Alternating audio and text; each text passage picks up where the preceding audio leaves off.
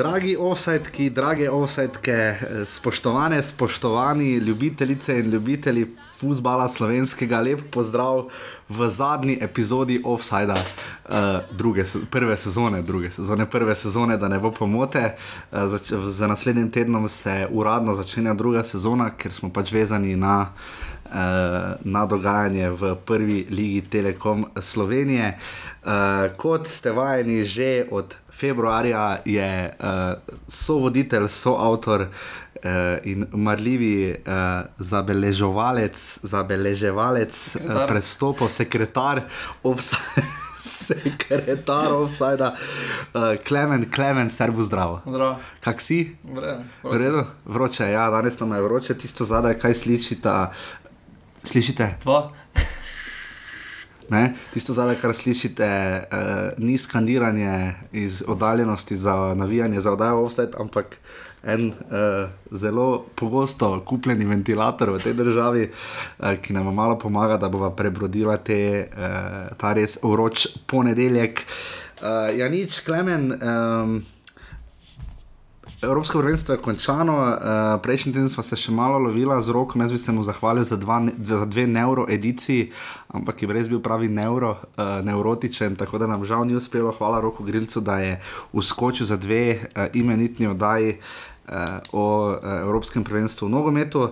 Um, včeraj so na televiziji Slovenija dnevnik, uh, v dnevniku povedali, da bodo, na, da bodo ljubitelji najbolj postranske stvari na svetu zelo, zelo pogrešali ne, uh, nogomet. To ne drži, ker zdaj se v bistvu vse za vse nas in vas Nadaljuje, začne. začenja, nadaljuje kakorkoli. Uh, si, si zaspal v drugem času včeraj, mimo Ne. grede? Nisi. Nisi. Ti?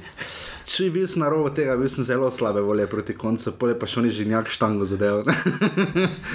uh, Ne vem, e- Evropsko prvenstvo, če, če malo ti analiziraš, ne, kakšne so smernice, razen to, da bi vsi z veseljem ukinili podaljške. ne. Uh, vsi se zelo veselimo spet vrnitev, vrnitve v prvo ligo, kjer seveda je po 90 minutah mučenja žoge, če se dogaja mučenje žoge, seveda konec. Kaj ti misliš, kaj smo ugotovili na Evropskem prvenstvu? Ne? Iz prizme tudi na zadnje za razvoj futbola kot takega. Uh, Že to prvenstvo je bilo drugačno zaradi števila moštev. Uh, koliko sem prebral, bo naslednjo Evropsko prvenstvo enako. Um, to je pač magnet za neke manjše, manjše reprezentance, uh, tudi za Slovenijo, če se bomo čez 4 leta, uh, upam, da uvrstili, da bo to prvenstvo tudi zanimivo za nas, oziroma za čim večje število uh, navijačev. Uh, stadioni so bili polni, nogometa je bilo v skupinskem delu, v skupinskem delu je bil zelo dober napadalni nogomet, potem pa se to vse skupaj malo ostavilo.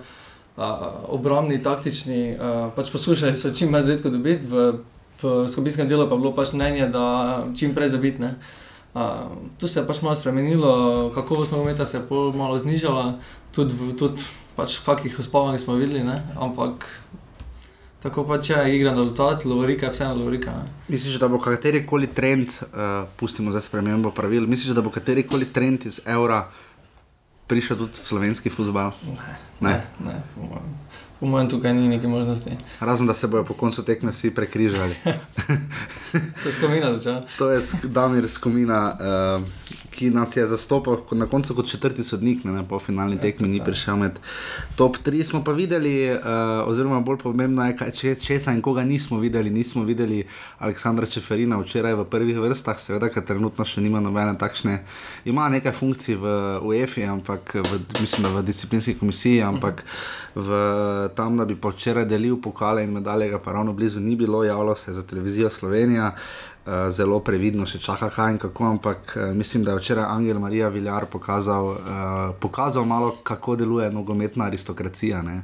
On je vendar že dolgoletni predsednik Španske nogometne zveze, predvsej konzervativen človek uh, in tudi nekdo, ki se mi zdi, da ima malo več renomeja. No? Ne vem. Ja, pa malo predhodnega znanja pri nogometu in uh, pač dosti več izkušenj uh, na podlagi teh, uh, teh uh, tekem oziroma birokracije, tako se omenja. Ampak uh, vseeno ima dobre možnosti, ker je pač uh, Slovenija kot država malo omaknjena, malo bolj neutralna pri tistih uh, bolj pomembnejših, močnejših reprezentancah in uh, ima neke prednosti pri primerjavi z njim. Mogoče to, če pogledamo iz prizme slovenske reprezentance, uh, kaj bi zdaj rekli, kje se igra najboljši nogomet? Uh, v finalu sta bili dve državi, ki praktično nimata resnejših uspehov v zadnjih letih na klubskem nivoju. Ne?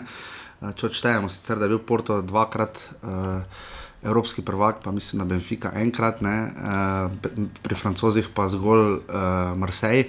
Uh, kaj bi rekel iz vidika to, kjer naši igrajo, gor in dol po Evropi? Ne? Zdaj naših je dosti v Italiji. Se, ja, ampak zanimivo je bilo pri Portugalcih, da večinoma je bilo igralcev iz Sportinga, uh -huh. uh, osem, osem jih je bilo predvsem v prvi postavi iz bivših, ki so skupaj igrali uh, proti Mariboru. Uh, tekmi proti Mariboru Sporting, na primer, ko je bilo.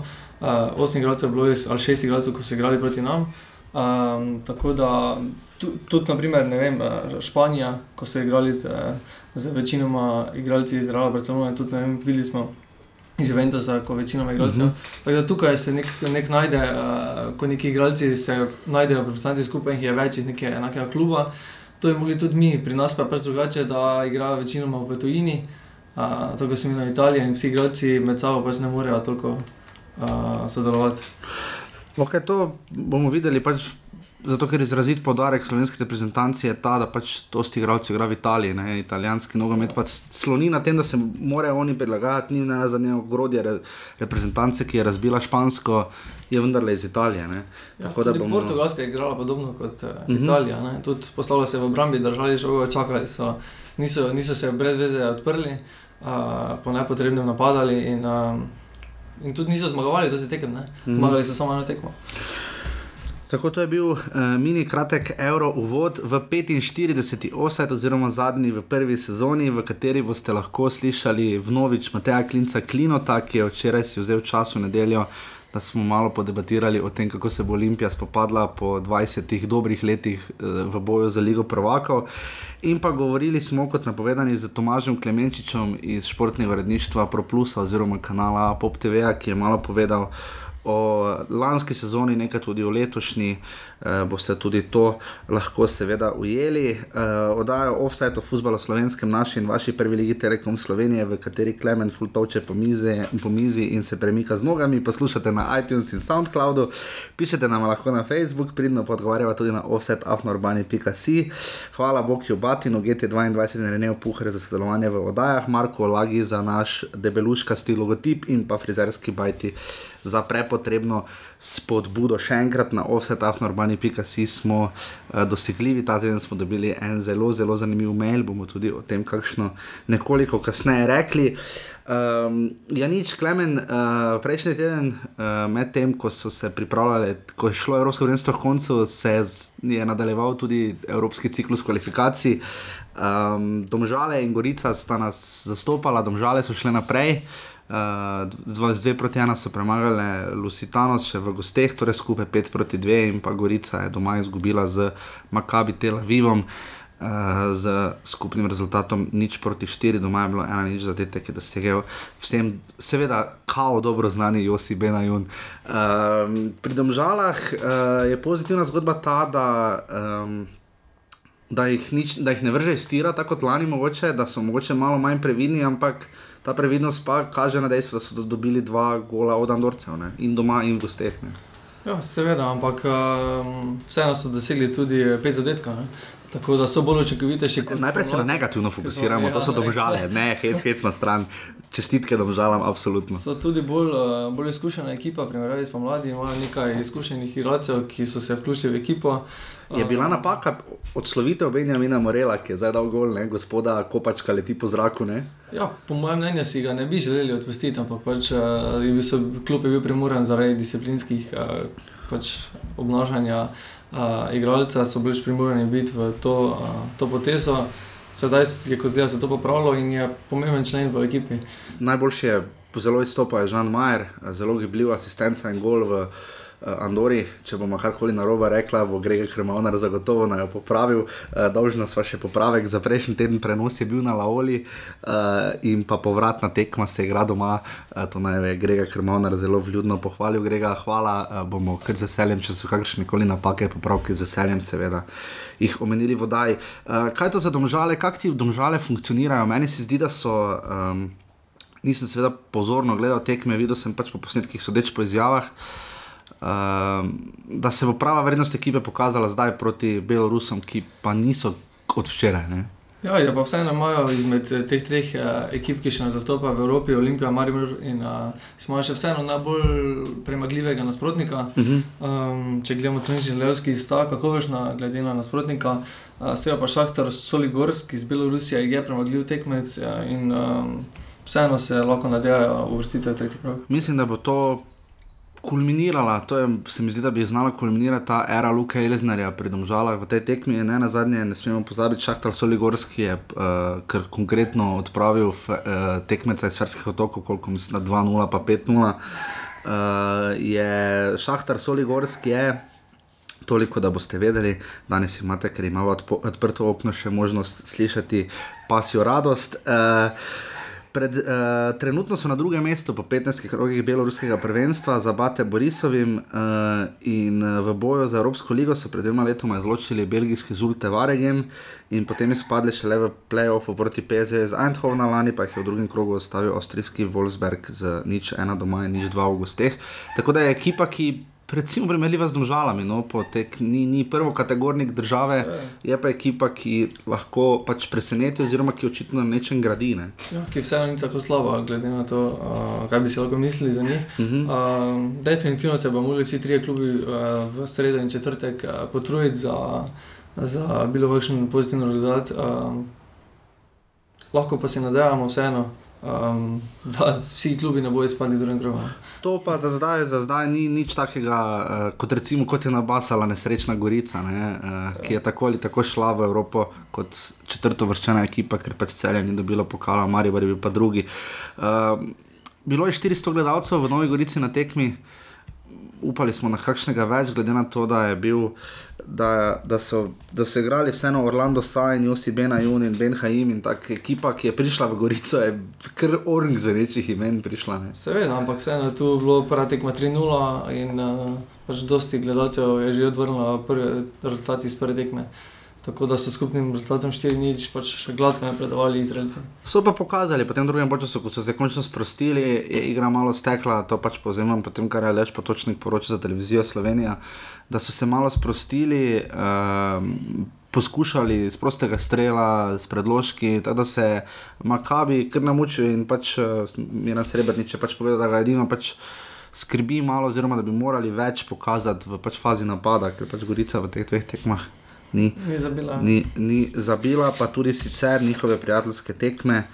Um, na prelomskih tekmah, če gledaj, ena, dva, tri, štiri so na štiri prelomskih tekmah dali štiri gole, od tega dva proti B ekipi. Ne. Ja, včeraj so proti Brdu igrali in so dobili. Ja. Tako da bomo videli, kaj to točno pomeni za, uh, za goriško realnost v letošnji sezoni. Uh, je pa dejstvo, pač, da tu se pač pozna slovenski koeficient in Uh, največ bo pomagalo za to, da bomo imeli več možnosti, to, da bodo, seveda, kot si omenil, vsi trije tekmeci, vsi trije naši predstavniki, dobro se zoprstavili tekmecem uh, v sredo in četrtek. Uh, zdaj bova šla izjemoma potem, torej, uh, tvoje mnenje na koncu, Gorica, dostojno predstavlja Slo Slovenijo. Seveda, zdaj bil je težki nasprotnik in kaj druga pričakovati, bilo težko, domžale pa seveda, pričakovano napredovali pričakovano napredovali, uh, upamo, da bodo sestavili, zdaj imajo pa trd ritem. Tu sem bral, da bodo igralci, ki okay, so vse šli s čarterjem v. S čarterjem v Belorusijo, uh, iz Brnika in uradnega treninga pred tekmo na prizorišču ne bo, ker v Soligorsku, če sem prav tu prebral, uh, 150 km oddaljeno od Minska, se ne vem, tu veš kaj tako temno je to, ko prekopiraš iz te domžalske strani. Ampak, ok, skratka, ne bodo imeli treninga tam, uh, je pa tekma potem, pač, kot smo rekli, v četrtek. Ne? Uh, ne bodo trenirali na stadionu v Soligorsku, uh, imajo pa potem peste ritme za vse te tekmece, ker se ne na zadnje začne slovensko državno prvenstvo ta konec tedna in to je tisto, kar nas v tej oddaji z naskokom najbolj zanima. Uh, greva zdaj najprej na Maribor, Uh, Maribor je v letošnji sezoni, letošnjem poletju, imel pestro poletje, ki je zdaj kulminiralo nekako v obračun, predvsem za Celtikom. Uh, zmagovalec te turneje je, kot uh, smo slišali, kot, kot sem slišal za nič od Marka Kovačeviča, ki je dobro preračunal, seveda zmagovalec Celtikove turneje je celjene, ki je igralo 2-2, Maribor nič, nič, Olimpija pa ena proti dve izgubila. Uh, kaj sporoča tekma Maribora s Celtikom? Uh, na prvo žogo. Ne? Zdaj, tekma je bila uh, zanimiva, Maribor je. Zanimivo je, da ni padla kvaliteta toliko pri Mariboru, čeprav se jih je deset zamenjalo v polčasu. Ne? Ja, tudi ne vem, s kako ekipo so nastopili Celtic. Precej močno. Precej, pač to, kaj gledalcev tam ne poznam in uh, dejansko ne vem, s katera je bila bolj močna, ali je tista, katera je prišla v šesti minuti noter. Ne, ne, tista, ki je tista, bila prvi, tista, ki je začela, bo bolj ali manj bo to, to kar bo igralo v, v kvalifikacijah za Ligo Prvako. Ja, tukaj se je videlo pri Mariboru, da ima uh, dejansko ne vem, 24 igralcev, ki, so, uh, ki jih lahko uporablja, ki so, ki so zelo kakovostni. Tukaj so še manjkali, um, odigralo je 20 igralcev, če se ne motim. Uh -huh. Uh, 21. Pač s Handanovičem vred. Ja. Handanovič se ni menjal. Uh, manjkali so še tri obškodovani, Rajčevič, uh, Palčič in uh, Ahmedi. Uh, torej so še tri igralci, kateri bi lahko uh, še bolj okrepili tisto drugo ekipo. Uh, prva ekipa dejansko je, bila, je imela posed, večjo posest, uh, so boljše igrali, uh, dejansko pa se je videlo, da ni kako spadla. Ja. Ni kako spadla, oziroma Darko Milanič je nekako sestavil kompaktno ekipo, oziroma se zdi, da je tiste slabše dele ekipe nekoliko dvignil. Je pa res, da niso tisti boljši deli naredili preskoka do še više. Če greva konkretno, obramba Maribora je krhka na trenutke, težave so s poškodbami. Uh, Šmej je rekel, da se bo Denis Šmej povedal, da se bo na šulerja pač moral malo navaditi, da sta, popolnom, da sta precej različni tip uh, branilcev, recimo Rodrigo Defendi in Marko Šuler.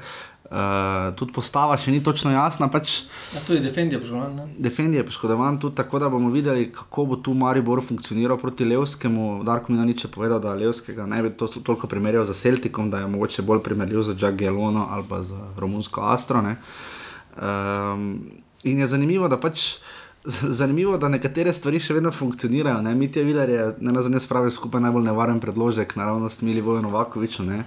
Ja, vendar je vseeno Janžo odigral dobro tekmo. ne. Zelo solidno, ja. In pač pričakujem, da bo tudi začel tekmo z Levskim. In, uh, bo Ja, bo, boki so tisti, ki so pri Mariboru povsem ne čisto novi, ampak če gledamo to, kar je začelo na desnem boku, so začela Hočič in Hotič, ne, to je čisto novo. Ne, in, Kar v 5-6 igralcev je bilo novo, iz prve mm -hmm. postave novih, torej uh, oba bočna igralca, Hožič in, uh, in Janža, izmed tiste stalne postave v, v pomladi, uh, ter seveda novinca na sredini. Ja. Uh, Pihler in, uh, in, in Vrhovec, ter v napadu Sani. Ne?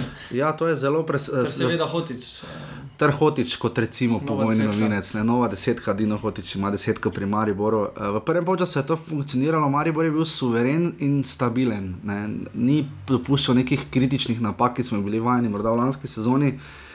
Je pa res, da v fazi napada pa ni znal nekako spraviti žoge do točke, da bi vsaj bil koliko toliko nevaren. Ne? Tu se malo zdi, zdaj išče se pozicija Markusu, Tavaresu z problemom Mejna Runija. ne, eh, Ni klasičen napadalec za Sanjo, Moregija je pa Darko Milanič povedal na tiskovni konferenci, da ni razlog, zakaj je začel tekmo ta, da se navadi ljudskega vrta. Ne. Čeprav ga pozna iz celja, ampak Ja, pri napadu je tako, ne, da se mi zdi, da Milanič se zelo osredotoča na, na obrambo uh -huh, in se je ogromno se je videlo, da se je delalo v pripravah na obrambi. uh -huh. Um, seveda pa je tu težava proti napadi, uh, ki z Tavarežem in, uh, in pač vršičem, naprimer, to ne gre. ali izvesti, ne. Novakovičem. ne. Čeprav Eh, Novakovič je parkrat tam pobegnil, je hiter, ja, daleč od tega, da ni. Ampak edino Sala Lik in Novakovič, naprimer, drugo pa so lahko sledila. Ne? Ja, Uh, tukaj uh -huh. ostali igralci se toliko ne vključujejo, morali se ne vem, šest igralcev vključiti proti napadu, ampak tukaj ne vem, en, dva ne moreta uh, narediti ogromno v napadu. Je pa, je pa seveda v tisti zadnji tretjini prihaja do težav, eh, ni dosti idej, čaka se na neko individualno. Um, Da se nekdo idealno prebudi, da ni, da ni neka Ja. razlika od dribling.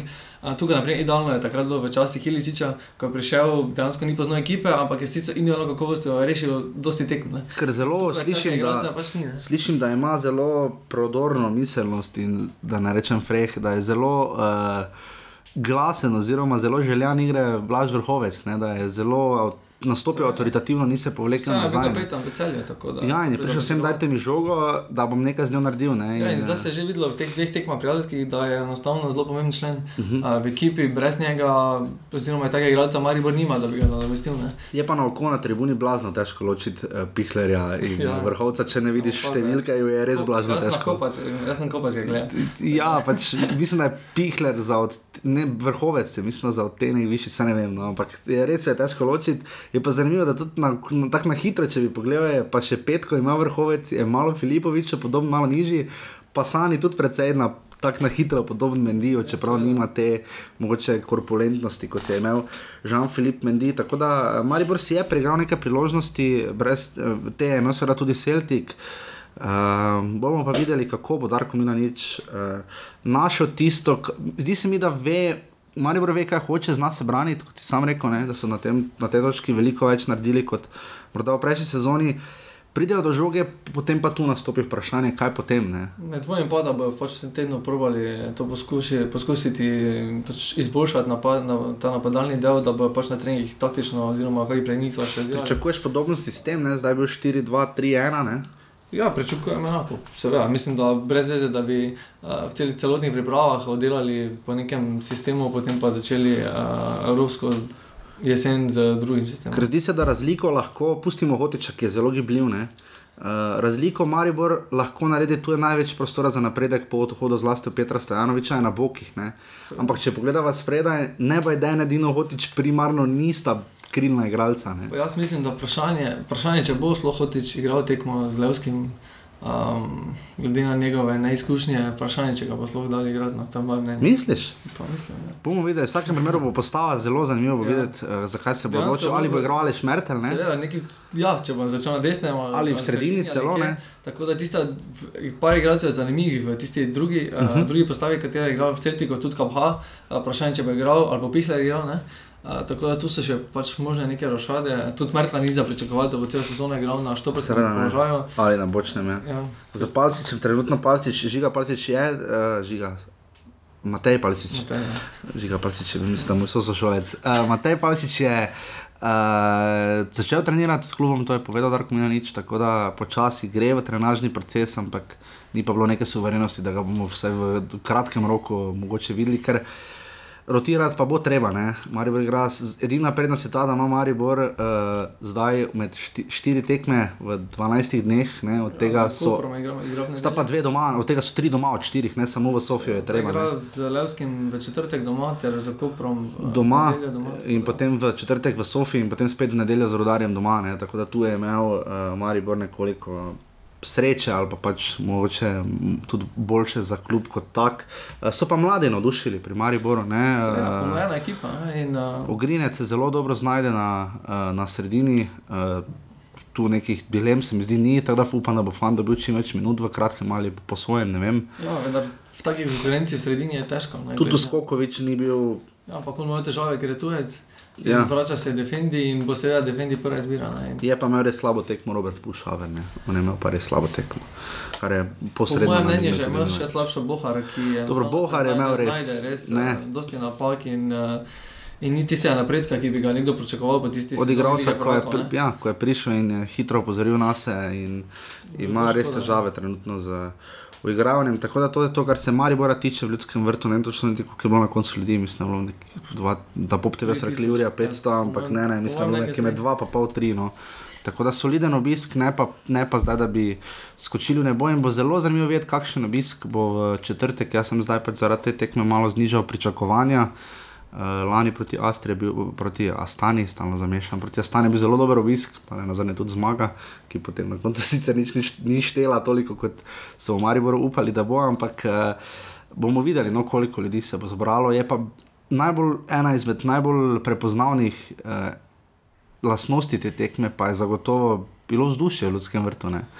Uh, navijači so zelo toplo aplaudirali, že ko so igralci prihajali na igrišče, tako tudi, tudi Celtic imel svoje navijače, ne, Seveda. uh, res zanesenjake, velike, pa tudi dosti novinarjev je bilo škotskih na tekmi. Uh, in uh, po koncu tekme uh, je Darko Milanič rekel igralcem, pojdite pozdraviti tudi jug, vse tako, koliko sem jaz opazil in so sicer malo zvarne razdalje, ampak uh, je neko premirje, kar je tudi Denis Šmer rekel, da se počutijo končno, da se spet počutijo zaželeni. Ne.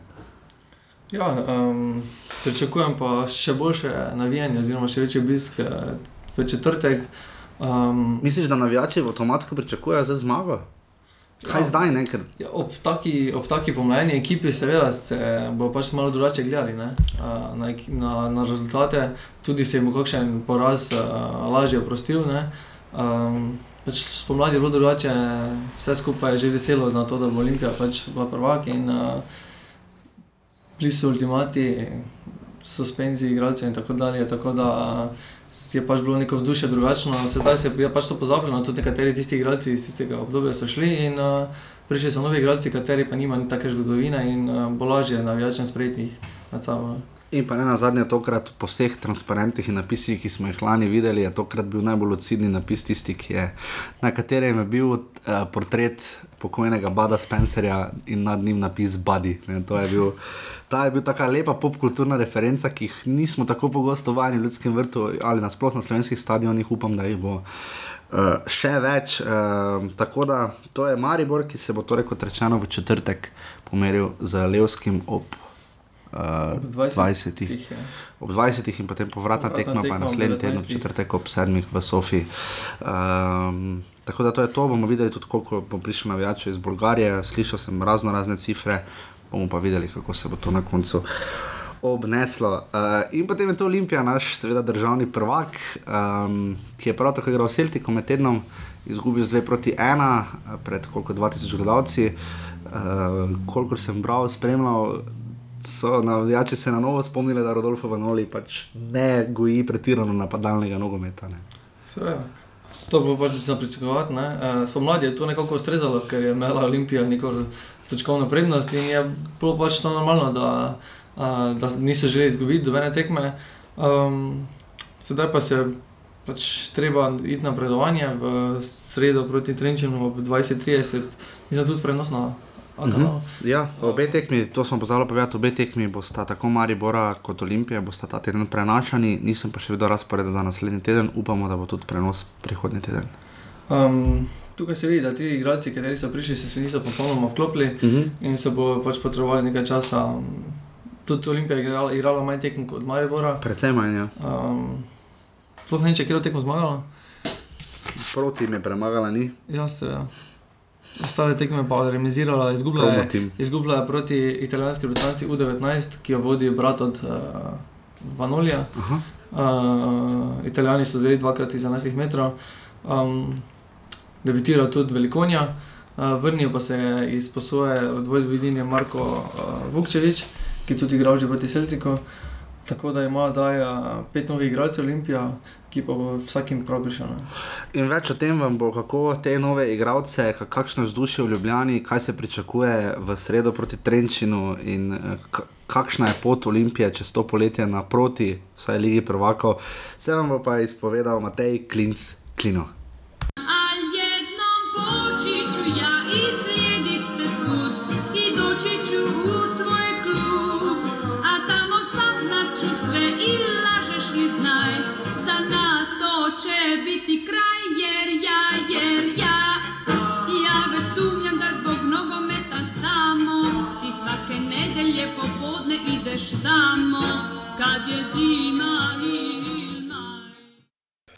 Kot vedno, naš uh, legendarno tradicionalni gost, Matej Klinc Klino iz Ljubljane, uh, upam, da čim bolj reden tudi v drugi sezoni Offside, ki sicer uradno potem štarta naslednji ponedeljek. Ampak, uh, Klino, dober dan, servus, si v Ljubljani, uh, kakšno je vzdušje v sredo se začne? To dolgoletno čakanje na, na vsaj upanje, na to, da bi Olimpija kdaj igrala v Ligo Prvako, prihaja Trenčin. Kakšno je, kakšno je vzdušje, kaj sam pričakuješ, eh, kako nogometna je Ljubljana v tem poletju? Ja, že, že, um, ja, hvala za povabilo spet. Pa, ko mi čakam drugo novo sezono, ne, mm. katero stopamo kot prvaki. Zdaj, um, danes priznam, da je, da je um, Ljubljana še bolj v evru, v celem temu uh, dogajanju okoli evra, zdaj le finale in po, po evru, pa jaz upam, da se bodo ljudje spomnili, da zdaj pa tudi Slovenska liga štarta. Čeprav mislim, da že sam težko verjamem, da je že naslednji vikend prva liga, kaj šele nekdo, ki površno spremlja futbal, ki vsi vejo, da se je lihkar vse končali in zdaj um, to res hitro prihaja. No. Dolgo mm -hmm. sezono imamo v Sloveniji in to, da je zdaj že, uh, že se začne na polno, je kar res um, taka malo neugoden, malo neugoden termin. No. Za Trenčin, um, ja, Uh, jaz upam, da bo čim več ljudi. Ne upam napovedati spet števila gledalcev, ampak um, jaz upam, da bodo Ljubljančani zdaj se odzvali na to, kar jim je Olimpija dala po 21 letih. Vsi smo zahtevali, da so prvaki končno spet in to jim je ratal in zdaj, zdaj jim prav, da podpremo klub uh, po 21 letih v, v Ligi prvakov spet, oziroma vsaj kvalifikacijah, a ne se. Dlje, tako še nismo prišli. Te kaj Kar se- preste- kar se- te- kar se tekme tiče, pa ne vem, bomo videli, no, pustimo se presenetiti, ne moramo pa preveč pričakovati, verjetno. Takaj preseneča relativno malo število pripravljalnih tekem Olimpije. Ne? Na tem področju je morda to še najmanj izrazito področje v tem poletju. Če pogledamo, da ne na zadnje prišla ne nadprotega, uh, včeraj je prišla vest, da se je okrepil mladinski trenerski štab, eh, prišli so novi igravci, najbolj izraziti Leo Ejub, uh, Etienne Velikonja in pa seveda, uh, to smo še v Mariboru posebej veseli, Andraš Kirm. Uh, Kako gledaš na to poletje? Na, na, je bilo vredno izpolnjeno, si zadovoljen, eh, ne na zadnje pa kaj je prinesla tekma s Celtikom. Ne? Kolikor sem uspel spremljati tiste, ki hodijo, hodite pogosteje na tekme. Ste malo pozabili, mislim, se, ste se malo spomnili, da Vanoli pretirano ofenzivnega futbola ne igra. Ne? Ja, um, itak, ja, zdaj, kar se pripravljalnih tekem tiče, me je tole kar malo presenetilo. no. Ok, se trener ima svoj plan, zaupamo trenerju, bla, bla, bla, in eh, razne floskole, ampak, ampak tri pripravljalne tekme mislim, da so bile v, v celem pripravljalnem obdobju, kaj so bile Tuzla, Celtic, pa kaj je bil še Terek, je bil, če sem, mm -hmm. upa, pardon, promo tim. Promo tim, dobro. No? To, ok, ne. Tako da, ja, to je kar malo, um, kar malo, malo se mi zdi. No. Mislim, da so praktično vsi klubi imeli, ve, imeli več tega, uh, tega igravanja skozi tekme, ne samo nekega drilanja žoge na treningu. Um, bomo videli, no, ne vem. Um, lej, skeptičen sem in tudi, ja, tako kot si rekel, Celtic ne se spomnim, da Vanoli ne znali nekaj napadalnega oziroma noče napadalnega nogometa igrati. eh, Stali smo z osmimi, devetimi igralci za žogo, en napadalec je bil v napadu, občasno še to. In igra res ni bila tisto, kar smo pričakovali. Ampak, ok, to je Celtic, to ni. Um, Ja, ne smem reči aluminij, ne aluminij, kar preseneča zale. Uh, to, ni, to ni krka, recimo, ne, ki ti pusti 10 sekund časa, da, da razmisliš, kaj bo žogo naredil, pa kam boš podal. Te igralci so skozi bili, skozi so pritiskali na, na nas in, in se, se je poznalo, da je to nek višji nivo nogometa um, in da imajo višjo ravno kakovosti igralcev. ne. Um, tako da mene osebno je igra, igra razočarala. No. Um, Mečkar več sem pričakoval, ampak um, ne vem, konc koncev, ja, sej v Evropi ne moramo pričakovati, da bomo, da bomo razbijali ekipe, pa da jih bomo razsuvali, kot jih je Pušnikova Olimpija na začetku lanske sezone. Ampak vsem smo računali, da bo, da bo Mečkar več, um, Mečkar lepša, Mečkar bolj takoča igra. Um, načeloma se je to v drugem času pokazalo, to, to ljudje sicer kar pravijo, da, ja, da se je v drugem času bila pa tista ta prava igra, ampak v drugem času je bila tudi tretja ekipa Celtica. Mm, ja. Um, to ni tista ekipa, ki bo igrala v, v prvi ligi. Ja, to v- smo, v to smo lahko ligi. videli v Mariboru včeraj, ker je Celtic, Celtic igral skoraj da, se, skoraj da debelo uro, res za prvo postavo. Se vidi, da so stopnjevali ritem. Uh, s, uh, sem pa včeraj z kolegom Markom Kovačevičem je rekel, da je zmagovalec Celtic, Celticove turneje v Sloveniji, seveda celje, ki je igralo 2-2. ne. Ja, ja. Celticom, ampak eh, kaj pa tri, tri glavne okrepitve? Ne? Potem je še tam eh, nekdo, tam, kako se piše, črno, nekaj, kar stalno pozabim. Crno, Cr, Crno Markovič, ja. Crnomarkovič, no, vse se bomo že naučili, ampak kaj pričakuješ, predvsem od Tetjana Velikonje in uh, Andraža Kirma, ki tu, če prav razumem, naj bi nekako šlo za zapolnjevanje luknje, zlasti po odhodu Miroslava Radoviča. In pa kaj je za, za, kaj je za obrambo, za zadnjo vrsto Boki, ne? tam se zdi, da zdaj Olimpija ni takšna več, kot je bila. Ne? Ja, zdaj v postavitvi 3-5-2, kot Vanoli uh -huh. igra, jaz pričakujem v, v vezi brez sprememb, razen kar zahtevajo kartoni in poškodbe. Ne. Se pravi, v, za, v zadnjo, mislim, vezo, načeloma imamo, imamo dosta redo pokrito, ne. se pravi, Kelhar, ki si zgleda zelo zgubljen proti Celtiku, pa um, tale, no, pardon, zdaj je Zarifovič, ne. Uh -huh. Um, in zdaj ta tretji je pa vprašanje, ne? zato ker ta tretji je bil Mišen Mitrovič, Ja. ja. se je poškodoval. Okay, uh -huh. On tudi, če se ne bi poškodoval, bi pa šel. ne. Mhm. Uh, to smo bili že nekako pripravljeni. Tretji je bil Mišen Antonija Delameja Mlinar, verjetno, ampak ima, ja, dolg je bil, kar smo na zadnje igrali v Evropi, še zmeri tri kartone od tekme Žilino. Eh, Pardon, tri, tri tekme prepovedi igranja od tekme Žilino leta 2013. Tako da, ja, on je zaradi tega izpadel in zdaj nam ostanejo Crnomarkovič in Ejup. Um, mislim, da je mečkam boljš odigral mogoče Crnomarkovič na, na prijateljski tekmi s Celtikom. Uh, jaz upam, da, so, da, da, da je imel v Noli tudi kakšen dober, kakšen dober, um, dobro priložnost, da je videl, kako igrata, pa enega od njih bo mogel postaviti. Potem imaš pa Boke, pa desni klinar, ne, če se ne motim, da nam v kiksnu poziciji, pa levi kiram. a ne. Um, Pol pa naprej pa bomo videli, kako ne. Tam imaš še zacementiranega Matiča, mislim, zacementiranega, ne, Ja, ja, ni tako narobe, čeprav zadnje cajte mu je mogoče igra bo padla. Um, pa koga imamo še zajca? Zajc, govori se, da naj bi, eh, govori se, da naj bi šel po Evropi, ne? čeprav zdaj so, da naj ne bi šel, pa da naj bi šel, bomo videli, kaj pa kako on verjetno bi na vsak način šel ven, ne, še zadržal.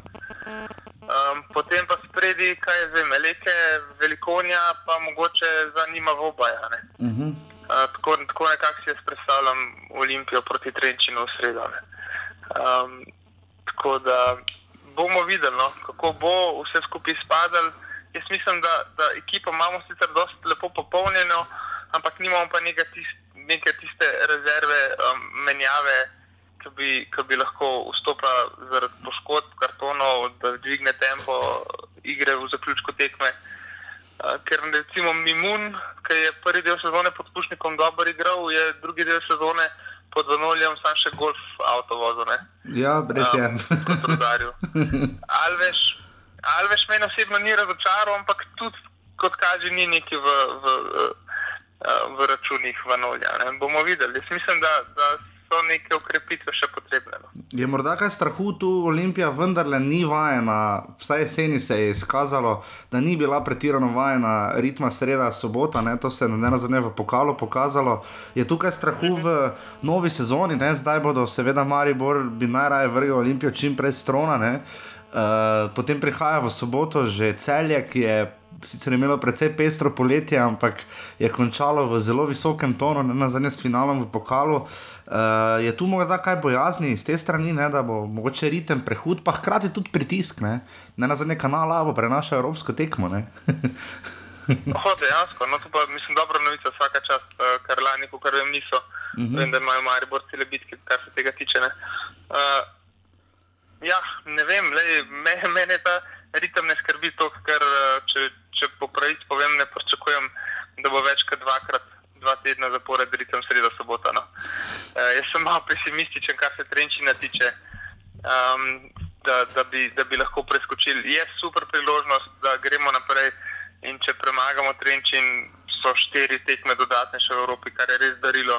To je neverjetno. Ampak um, kljub temu, da je iz tega žreba, ki je bil na voljo, ne, ko so regionalne skupine naredili, bil Trenčin verjetno najboljša varianta, um, naj, naj, najugodnejši nasprotnik, um, je vseeno prisoten ta, prisoten ta dvom, da ne vem, če nam bo lih ratalo. Jaz samo upam, da ne bomo prehodov izgubili a, doma, pa da gremo na Slovaško z upanjem po, po napredovanju. No.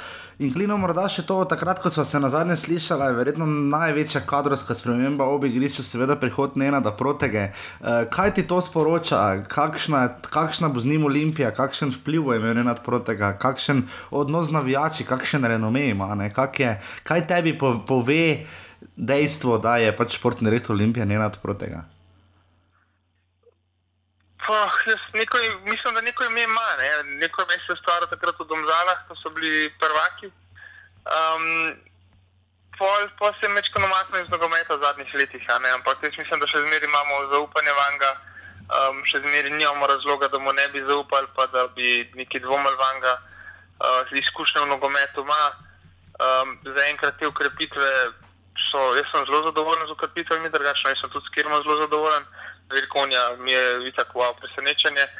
Um, zdaj tudi mlada branilca, Crnomarpič pa EU, sta super, uh, se mi zdi, Tako da jaz sem zaenkrat zadovoljen in mislim, da so tudi vsi ostali, no, vsi verjetno ne, ampak večina ostalih navijačev, da je zadovoljna uh, s protego, pa bomo videli, kako se bo pokazalo. Predvsem, kakšne bodo krepitve. Se na koncu koncev bo, ne sam, nisem trener odgovoren za to, kako, kako ekipa igra, ampak tudi eh, športni direktor, glede na to, kaj je prpelo. Uh -huh. Tako da bomo čas od čas pa bomo počakali. Ne. Jaz mu ne bom zameril, če spademo v, iz, iz lige prvakov, zdaj le tako na začetku.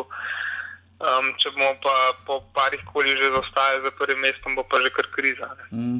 In še to na začetku si sicer rekel, da nočeš napovedovati, ampak lani smo veliko govorili v lanski sezoni o promociji, o nihanju obiska. Kaj bi za tebe bil zadovoljiv obisk, uh, ali pa za kolege, ko se pogovarjate, kaj bi bil zadovoljiv obisk v sredo zvečer? Zadovoljiv obisk za me bi bil 5-6 tisoč gledalcev. Okay. To, bi, to, bi, to bi mene Mhm. zadovoljilo. Uh -huh. Ampak pač s tem bi bil vesel. Ampak um, pričakujem pa 2 do 3 tisoč. Uh -huh. ja. Um, ker, ker se mi res ne zdi, no, ne vem, uh, Ljubljana še zmeraj spi, pa lepa spanje. Um, Ljubljana, ja, še zmeraj ni tako nogometno mesto, kot si želimo, da bi bila. Um, Trenčin, konc koncev, ni tako atraktiven nasprotnik. Uh, vsi mislijo, da je to nek brezezen, mislim, kdo ne spremlja, verjetno si misli, da je to nek brezezen slovaški klub. Um, pa jaz mislim, da so kar mečkano več kot brezeznje, ne, so imajo kar kakovost. Um, precej več, kot mi trenutno, no, po mojem. Jaz upam, da se motim, ampak um, jaz mislim, da bo, da bo slab obisk in da ne bomo neki delč prišli. No. Tudi na marketingu pa to se ni nič spremenilo čez, čez poletje. No. Žal, se tudi ni bilo časa no, čez poletje, zdaj Ja. ja. temu enemu mestu pa pol, koliko je bil. Uh, jaz sem klej, klej, jaz mislim, da je največji prostor za napredek v klubu. Uh, z odnosom z, na- pri odnosu z navijači, marketingu in vsem skupaj. Um, se premika, recimo bil je uh, Popov, Šal, Celtic, Olimpija, zdaj Trenčin, Olimpija, um, ampak so še zmeraj napake. Pa, ne vem, no, vse pa se dogaja, imajo željo, ampak jaz mislim, da so malo kadrovsko podhranjeni, če ne drugega, no, da bi mm se kaj večjega šli. Klino, najlepša ti hvala. Uh, upam, da bomo čim več sodelovali v novi tudi sezoni. Jaz upam vseeno, da bo Olimpija dostojno, ne več, več kot dostojno predstavila Slovenijo v kvalifikacijah za Ligo prvakov in da ne na zadnja evropska sezona traja čim dlje. ne. Ja, definitivno. No, jaz tudi jaz upam, da si nabijamo koeficient, vsaj mečkam dvignemo, um, ker mislim, da nam zdaj za naslednjo leto odpade en lep koeficient izpred parih let. Uh -huh. Um, in da nadaljujemo, in da je bilo to samo pač prvo leto. Okay, tudi če prvo leto pademo na prvi stopnički, ni take panike, če bomo spet prvaki. Mm -hmm. Definitivno bomo, a ne vse konkurence nimamo v Sloveniji. Pa smo tam, to je bil fenomenalen Matej Klinc Klino, ki ga boste v letošnji sezoni lahko, kot predvidevam, čim večkrat slišali. Matej, najlepša hvala, da si vzel čas, uživaj v sredo na tekmi, eh, pa pridi potem v četrtek pogledat v Mariboru, kako se v Evropi igra. Tako da, dobro, No, na vezi, hvala za vabilo, pa, pa uživi tudi lepo pozdrav na Štajersko. enako, hvala Klino, čau, čau. Adijo. A jednom počiću ja izlijedit te svud i doći ću u tvoj klub. A tamo saznat ću sve i lažeš li znaj, za nas to će biti kraj jer ja, jer ja, ja već sumnjam da zbog nogometa samo ti svake nedelje popodne ideš tamo kad je zima naj. Torej, to je bil Matej Klinc, Klino, hvala še enkrat Klinotu, da si vsakeč znova, vsako nedeljo, ko ga pokličemo, vzame in utrga svoj čas. Uh, prej smo govorili, preden smo, smo se pogovarjali o Olimpiji, sva govorila Klemen o um, pripravah oziroma o tem, kako so se klubi spopadali s tem poletjem. In je zanimivo število nihanje, nihanje v številu tekem posameznih ekip. Ne? K- zelo, zelo različni, bolj kot rezultat je res uh, zanimivo to, da so ekipe igrale precej različno število tekem, Klemen zato zelo šteje tu. Ja. To bi lahko med odmorom naredil, ampak ni ne, saj Klemen je zelo pridno to zbral. Uh, in iz prizme nekako bi rekel, bi rekel, sta najbolj mogoče tu vtis dober postila celje. Ne? Cel je igralo 8 tekem, ter domžale 6 prijateljskih, ter že 2 za Evropo. Ja. Pa po rezultatsko, oziroma kot neznani klub, povratnik v prvo ligo, je pa seveda tu Aluminij, ki z rezultati in tudi prestopi zelo, zelo, zelo preseneča. Uh, kaj misliš, kaj je celje ugotovilo? Ne? Ja, cel je začel. ki gre recimo v, ne na zadnje v soboto v Ljubljano ne, na tekmo. Ja, se pa videlo, da celje je z Pevnikom uh, zelo optimistično štartalo v ta jesenski del, ogromno treningov, začeli so zelo hitro uh, priprave, ne glede na to, da nima evropske uh, jeseni. Uh Mhm. -huh. Odigrali so sedem tekem, največ med vsemi.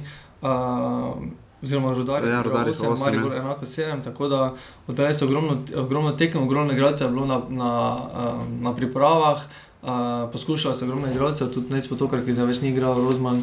Uh, tudi nekaj igralcev je prišlo novih, tako da bo ta jesen za njih zelo pomembna, oziroma za pevnika, kot trenerja tudi. Ne. Bomo videli, kaj bo, kako se bodo znašli celjani, um, ki so lani kar pošteno stisnili Maribor ob steno v pokalu. Um, Daniel Miškič je imel tekmo uh, karijere skoraj da proti, uh, proti Celtiku, pa se tudi nekaj še šušlja o njegovem prestopu. Ne? Nekaj slišim, da, naj bi, da je zelo zanimiv postal pač po tej tekmi, kar ne čudi. No?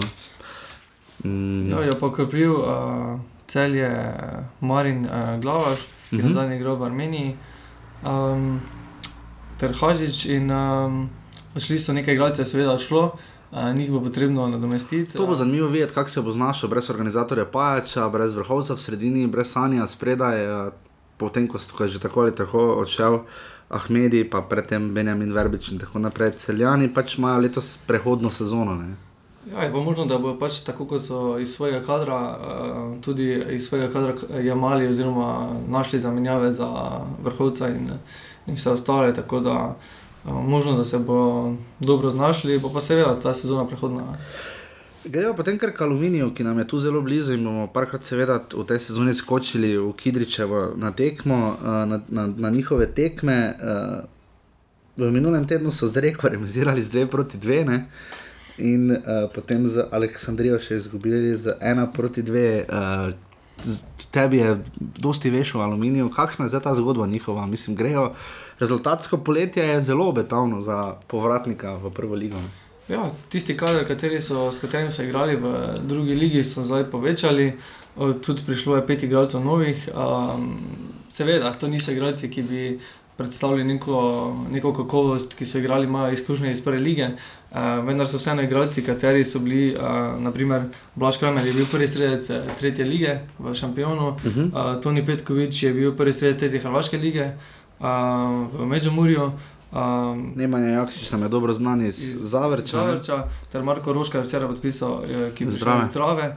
Uh, Josip Zeba je štoper, ki je igral v drugi hrvaški ligi uh, pri Segesti. Uh -huh. Tako da so igralci, ki so mladi, uh, torej talentirani, ogromno ne bojo uh, vzeli denarja, tako da bi pač ogrozili nek, uh, podobno kot neki ostali klubi, ki so se preoptimistično podali v prvo ligo. Tako da Tako da, če bi tu dodal, ne, zato, če gledamo radomlje, v katerih je res relativno malo novic, zelo malo tekem. Ne. Eh, Včeraj so izgubili, v, eh, prejšnji teden so izgubili v petek za Crveno zvezdo s 3 proti 1. Ne. Um, in težko sodimo v prijateljskih tekmah, uh, sicer premahali so Kukesi, pa Cibalijo, pa no, tudi Domžale in pardon, pazi Zagreb, sej tu sem čisto narobe prebral. Um, rezultati niso slabi, ampak bomo, bomo videli, kakšen bo tu razplet. Ne? Kakšen bo, ker o radomljah res vemo, bolj ali, malo, bolj ali, bolj ali manj, zelo malo. Ja, dobili so Nuniča, ki je prišel iz Gorice, ter Domen Jugovar iz Trilava. Uh, Trener je Dan Čuranovič. Seveda. V bistvu, Zlija bo nadaljevali z ekipo, ki so igrali, s katero so igrali v drugi ligi. Pa predtem že, ne, so dve leti nazaj igrali v prvi ligi, ne, v kateri se niso pre, tako zelo, niso se opekli, niso bili kanta za napucavanje, ampak so se nekako takrat, se mi zdi, taktično ošteli, ker so bili včasih konkurenčni močnejšim ekipam, potem so pa upali na napredovanje proti slabšim ali pa na boljše rezultate proti enakovrednim moštvom, pa se jim ni šlo. Ne. Je Tukaj bo pač pri teh treh ekipah Aluminij, Radom je ter pogojno tudi Krško bo problem, oziroma po konkurenčnosti v prvi ligi. S tem bo tudi slovenska prva liga dosti, dosti slabša v primerjavi z prejšnjo sezono, v kateri je lahko vsak vsega premagal. Tukaj je vprašanje, če bi nek, neko radno lahko pre, presenetilo Olimpijo oziroma Maribor. Ja, no, čeprav tu gledaj. Ja, Vzamem nazaj, domžale. Radomlje so imeli 16 točk v svoji sezoni pred dvema letoma, 4 zmage in 4 nemije, gol razlika pa kar minus 64, dosegli so zgolj 21 zadetkov, kar je, um, kar je res relativno malo. Uh, tako da tvoj občutek za aluminij, Um, po mojem mnenju um, so se dobro okrepili, uh, po mojem tudi mnenju so odigrali dobro bralske tekme. Uh, v teh šestih tekmah so odigrali ne vem, z- Reko 2-2, kar so zelo zanimivi rezultati, glede na to, da je Reka odigrala 2-0, premagala zdaj uh, Koper. Koper. Uh, tako da so se dobro odrezali, bo pa pol, pač druga, druga zgodba, pa seveda v prvi ligi. Ne. Mhm. Smo pa tukaj že pri Krškem. Uh, Samo sekunda še, sekunda bi še povedal, uh, povedal bi samo to, tu še gledam za aluminij. Aluminij je v svoji sezoni 2012-2013, ne, če so radom ne zbrali 16 točk, 4 zmage, 4 remije. Je aluminij imel 30 točk takrat, ne, kar je skoraj dvakrat več, 7 zmag, 9 remijev. Eh, In 20 porazov, pa 36 zadetkov so dosegli kar 15 več kot Radom je v svoji sezoni. tako Da, ampak dobro, to je zdaj že dolgo nazaj, ekipa se je precej spremenila, ampak vseeno, aluminij, aluminijeva izkušnja v, ligi bila, v prvi ligi je bila očitno vsekakor rezultatsko dosti bolj uspešna kot tista od Radomel in bomo slejko prej, ko se bo prvenstvo zalaufalo, gostili predstavnike tako enega kot drugega kluba, vse upamo. Pardon, nekaj si želel reči Ja, pri celju še je prišel Rok Baskera, ki pa se po nekih informacijah ni nekaj dobro znašel in je že odigral prijateljsko tekmo za Krškim. In uh, vprašanje je, ali bo zdaj odigral za Krško oziroma za, za celje. Ja. Um, Krško pa seveda potrebuje nekaj igralcev, saj je ogromno igralcev odšlo, tisti, kateri so bili nosilci v lanski sezoni in imajo seveda zdaj zelo pomlajeno ekipo. Izgubili so uh, v soboto proti Istri Uh -huh. uh, ter premagali Brežice za 4 proti 3. V lokalnem derbiju. Ja. Tako da oni tudi zanimivo pričakujejo. Novo sezono, Novo ja, pri. Krškem bomo to zelo videli, kmalo, še malo, še, še samo dva kluba obdelamo in boste izvedeli tudi pare pred novo sezono. Uh, veliko, veliko, veliko dogajanja je pa v Rudar, v Velenju in Kopru. Uh, tako pri odhodih, odhodih, kot pri prevzemu kluba, kot pri načinu financiranja in poslovanja v klubu. Uh, pa da je najprej Rudar. Um, Še, os, še zmagal je še za vikend, ena nič, ne, uh, ne proti Voždovcu, ampak proti Uralu, ne, čeprav vidim. ja, uralja. Um, tako da, Zabil je pa Mari, ki pa te igralce pa ko zdaj tudi neki igralec na preizkušnji, tako da še moramo počakati na uradno. Je pa se včeraj okrepil z tremi igralci, Darko Zec je med drugim tudi prišel. Ne? ki je bil najslabši član, kapetan Domžal. Žal, ja, A, prišla pa sta dva igralca, ki sta nam bolj malo znana. totalno neznano. A, Jean-Claude Bilong iz, ja, to sploh ne znam, iz portugalskega kluba, ki se začne na L, Lexios. lešti že, in pa Bojan Vručina iz Trikale, grškega drugoligaša. Uh, iz predvsem Pavla. mednarodna zasedba v nekaterih klubih. Ne? Ja, um, tudi ta, ta, ta francos uh, je igral za New York uh, Red Bulls, uh Uh -huh. je 22 let star, tako da še je mlad. Um, ta ta, ta 31, 31-letni varaždinec je pa Bojan Vručina. ja, se dokazoval v mnogih, je, mnogih klubih v tujini, tako da bo vseeno, po mojem mnenju, predstavljali okrepitev, glede na to, da tudi dosti igralcev šlo. ne. Uh, tudi Ibejšej je prekinil pogodbo. Veš, še, ja, kaj, ja. In pa glavno vprašanje, kdo je trener Rudarja? To pa ne ve. Ja, Uh, ker so ga zamenjali, ne? ja Krčmarevič. mislim, da uh, bi pogledal, bi, bi, Krčmarevič, ja. ime Uh, Slobodan. Slobodan Krčmarevič, potem ko uh, je prejšnji trener šel skromno za selektorja Alžirije. Uh, bomo videli, kaj se bo zgodilo z rodarjem, in potem je tukaj še Koper, o katerem smo veliko prebrali, nekaj ste nas opominjali, večinoma ste tako ali tako brali, lahko kako poteka financiranje v klubu. Potem je bil še dobri stari trikotnik, v katerega je bil tudi Milan Mandarič vpleten oziroma omenjen. Oziroma so sklepali posle, in eh, bo res zanimivo videti, kaj se bo letos zgodilo s tem koprom. Ne? Ja, Koper je igral samo štiri tekme in uh, so mala neznanka, tako da ponovno so ogromne igralce menjali, ogromno jih je šlo, ogromno jih je uh, prišlo, tako da um, bo vseeno zanimivo, kako bodo odprli, glede na to, da imajo zelo optimistične, uh, optimistično zdrejo v to sezono, bo zelo zanimivo, če jim to ponovno ne bo uspelo. Nova sezona se začenja, torej uh, ta konec tedna, da prav ste slišali, v soboto in nedeljo so tekme prvega kroga 26. sezone slovenskega državnega nogometnega prvenstva, prve lige Telekom Slovenije 2016-2017 edicije. Uh, pari pa so v soboto, bo prvenstvo odprto v Velenju, uh, Rudar in Krško se bosta pomerila, zelo zanimiva tekma, Ni, ker tako malo vemo, kako funkcionira Velenje. Ne na zadnje Krško je precej zamenjalo ekipo tudi ne, in imelo težave. bomo videli, ali bo Krško znova začelo sezono kot lani, ko je začelo z dvema zmagama. In potem Olimpija celje, vsekakor zan, zelo zanimiv račun. bomo videli, kakšna bo reakcija po Olimpiji, po Trenčinu, kakšen bo pritisk, ne na zadnje Olimpija, državni prvak. Kolikšna Bo, eh, kolikšno, koliko bo gledalcev in pa kaj je Robert Pevnik s temi, kaj je ugotovil na osmih, sedmih tekmah. Ne? Ja. Celje, celje, oziroma Olimpija bo že, Olimpija bo že en teden, prej, oziroma par dni prej začela že uh, sezono. Mm -hmm. Mene pa zanima, koliko, koliko gledalcev se je zbralo na tekmi V v, Trenčinu. ne? V Trenčinu že to je Matej Klino, je, Klino je rekel, da noče nič napovedovati. Zadovoljiv obisk za njim in za vse nas v Sloveniji bi bil vsaj 5000. Ne? To bi bil nekak minimalni, nek zadovoljiv obisk na, v Stožicah. In potem, v, to je v soboto ob 20 in 15. Uh, televizijski termin, uh, do, uh, potem je, bomo še tako šli samo skozi Gorica, Aluminij, potem v nedeljo so tri tekme, Gorica in Aluminij. Uh, aluminij, prva tekma v gosteh za povratnika v Ligo, nikoli ni pretirano lušna in fajn. Uh, gre v Gorici, ki je zelo igrana, ampak bodo obojni zelo, zelo željni točk, gotovo. Uh, aluminij, tako ali tako vsake. Potem domžale radomlje, uh, lokalni derbi, uh, ob 18 in 15, domžalčani bodo prišli, predvidevam, da precej utrujeni iz Belorusije. In bo zanimivo videti, koliko globine imajo v kadru pod Luko Elzerjem, ker so oni so pa zdaj že to bo že njihova četrta tekma ne, v dveh tednih in uh, Seveda. bo precej naporno v dveh tednih in pol. In pa prvo kolo bosta zaključila, seveda, Maribor in Koper v Ljudskem vrtu. Eh, Koper je bil zelo lušna stranka lani za Maribor. Uh, bomo videli, ali bo tako tudi letos, uh, kakšna bo rotacija, tudi koliko gledalcev se bo zbralo ta tekma ob 20 in 15, kot rečeno, tri tekme so ob 18 in 15 in dve ob 20 in 15, to je zaradi TV terminov. Dobili smo mail od punce z imenom Špelce Novak, prej omenjene gospe, gospodične, upam, da pač ne, um, ki je špelce, no kakorkoli, no se ni važno, pač je pisala nam um, o nekaterih predlogih. Uh, nekaj, jih boste, nekaj njenih predlogov smo tudi vprašali Tomaža Klemenčiča, ker se zdijo zelo na mestu, zakaj recimo prenaša v drugem krogu uh, kanala uh, Radomlje Olimpija, ne pa recimo Celje Gorica, ki sta na zadnje nas en lani, en pa letos zastopala v evropskih in zakaj so termini takšni, zakaj ne igrajo vsi ob 20 in 15, jaz mislim, da so tudi, tudi povezano z stroški.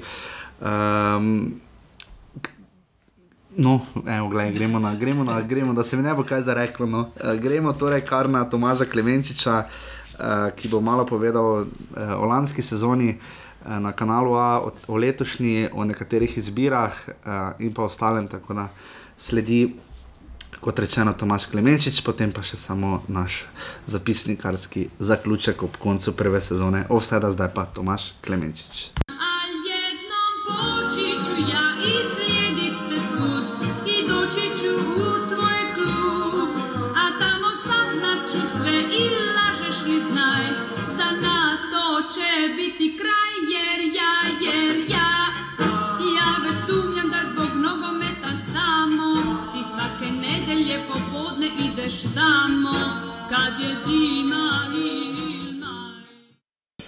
Tako naš gost je, kot smo napovedali, uh, Tomaš Klemenčič iz uh, kanala A oziroma športnega uredništva na ProPlusu, uh, ki je v lanski sezoni poskrbela za precej višjo gledanost prve lige Telekom Slovenije. Tomaš, lepo zdrav, zdravo.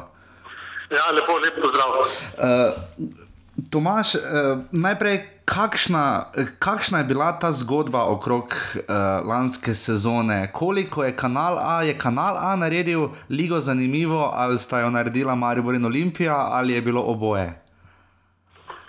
Ja, ne samo Maribor in Olimpija, pa kanala. Ne. Vsemu skupaj so prispevali tudi uh, gledalci, ki so to, ta projekt, ki smo se ga lotili na naši televiziji, tudi podprli.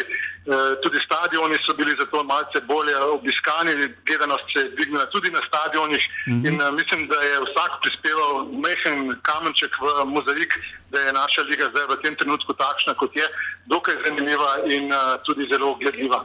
In če zavrtiva čas nazaj eno leto, ne, takrat nekako nismo bili vajeni iz zgodovine Pop TV-ja in kanala A, da bi se res lotevali domačih zgodb tako intenzivno, kot, tako velikih projektov, kot je na koncu bila uh, prva liga. Uh, če, če se spomnimo nazaj, kakšna so bila pričakovanja, kakšen je bil renome, da se tega kanala A loteva, ne? ker nekako je bil klubski nogomet doma, vsaj domači klubski nogomet, prej kje druge. Ne? Da se naša medijska hiša ni lotevala takšnih projektov, projektov že v preteklosti ne bo držala. Mm -hmm. Ker eh, v letih, ko smo imeli še športno sceno, kar vašim malce mlajšim poslušalcem najverjetneje ni tako blizu, mm -hmm. ali pa jim ni znano, smo slovensko nogometno ligo takrat eh, nekaj časa zelo, zelo dobro pokrivali in mm -hmm. imeli. Uh, v teh naših prispevkih, v tej naši oddaji, eh, cel kup eh, zanimivosti iz naše lige. Eh, dejstvo je, da smo zdaj se lotili povsem nekega drugega projekta na domačih tleh. Zgodovina nogometa v naši medijski hiši je sicer dokaj bogata, se smo prenašali že pred ja. leti svetovna prvenstva. Uh -huh. Uh, tako da nekaj izkušenj s tem smo imeli, vse skupaj pa je bil to za nas uh, lep izziv, ki tega, ki še vedno ostaja, in uh, mislim, da smo zaenkrat na njega kar dobro odgovorili. Mhm. Kako se je bilo prilagajati na terenu, uh, iskanje študijskih prostorov, uh, šli ste nekatere novosti, recimo v Novi Gorici ste kamero postavili na drugi strani, tudi v Krškem, da smo lahko videli bolj polne tribune. Je bil, kako je bila televizija sprejeta na terenu, kako ste šli tu roko roko z klubi, za stadion, z infrastrukturo? Uh, kakor kdo, kakor. Uh, na začetku, ko se lotevaš takega projekta, naletiš kar na precej ovire. Uh mhm. -huh. Ampak mi smo te ovire nekako skozi pogovor s predstavniki klubov, s predstavniki Nogometne zveze Slovenije poskušali, kako bi rekel, v hodu reševati.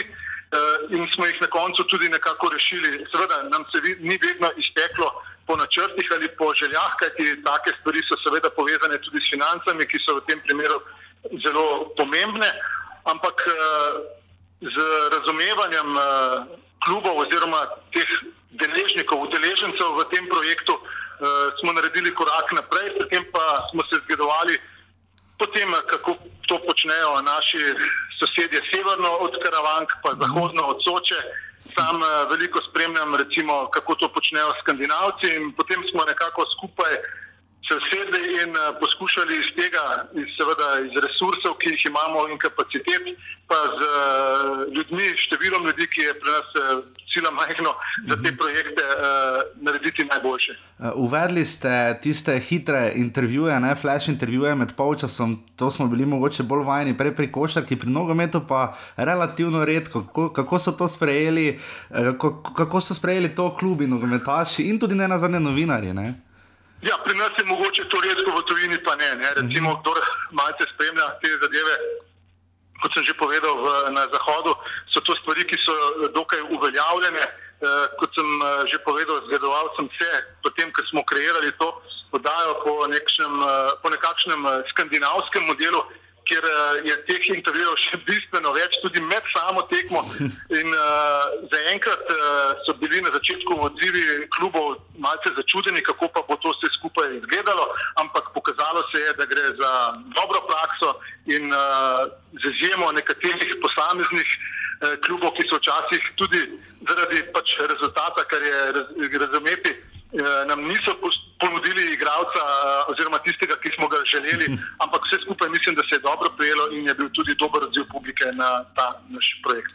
Kako izbirate uh, dvoboje, pri terminih ste zdaj poskrbeli, kot, da se ne dogaja kot v preteklosti na drugih televizijah, ko se je igrala tekma poleti, konec julija ob 4, zdaj so, hvala Bogu, tekme ob 6 in ob 20 uri in 15. Kako pa izbirate te termine, tudi količina prenosov v recimo, izrazitem spredju, ste seveda Maribor in Olimpija, ampak tudi drugi, kako to usklajujete? Termini prenosov so v domeni našeh, eh, našega programa, uh mhm. -huh. oziroma programskega direktorja. Uh, glede na to, uh, kako, kakšne, katere tekme pa so v posameznem krogu, pa ne sodelujemo s klubi kot uh mhm. -huh. Nogometno zvezo Slovenije.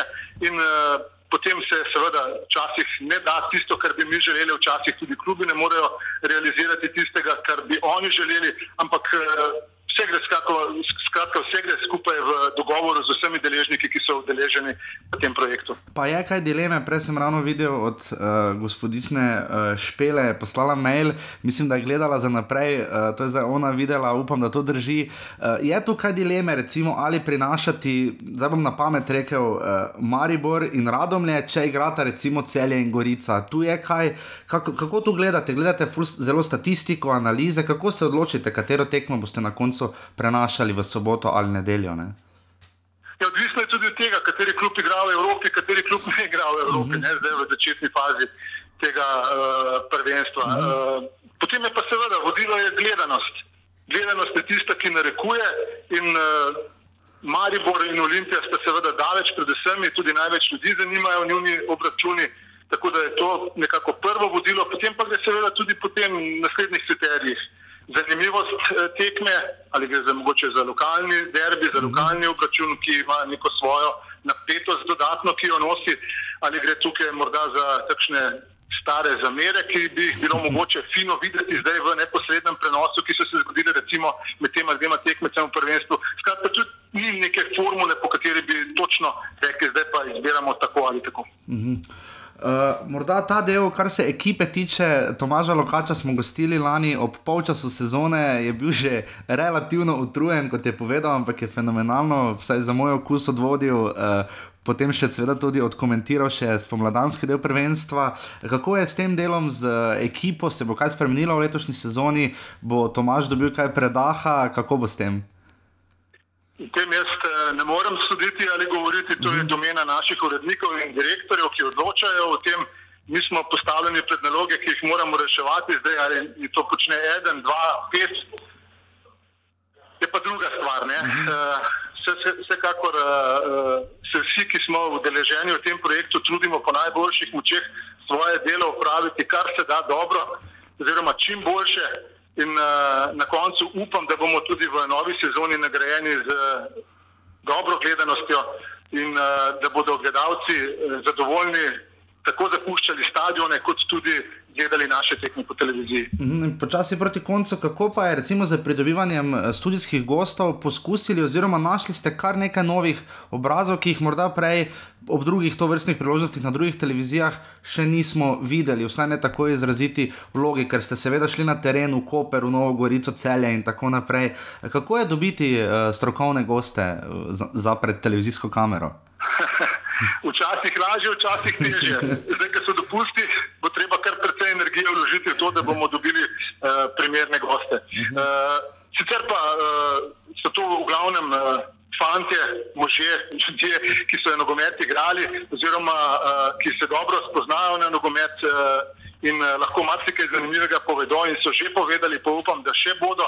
Poznamo se iz številnih drugih akcij, tako nogometnih kot ne nogometnih, in uh, upam, oziroma želim si, da bi tudi v novi sezoni z njimi in z morda še z nekaterimi novimi obrazi uh, zadeli v polno. In to, kolikšen faktor je gledano sama, ne lani smo tisti, ki smo, če nismo šli na tekmo, spremljali studijski del, se je terminsko nekoliko, včasih krčil, včasih širil. Uh, kako bo s tem delom letos? Imeli ste nekaj časa uh, sodniško komentiranje, uh, pač vsi tisti, ki imamo radi futbol, radi vidimo tega, seveda čim več. Ne upamo, da bomo tudi letos. Kako bo z studijskim delom letos? Bo kaj daljši, krajši, enako dolg kot lani, kaj lahko pričakujemo?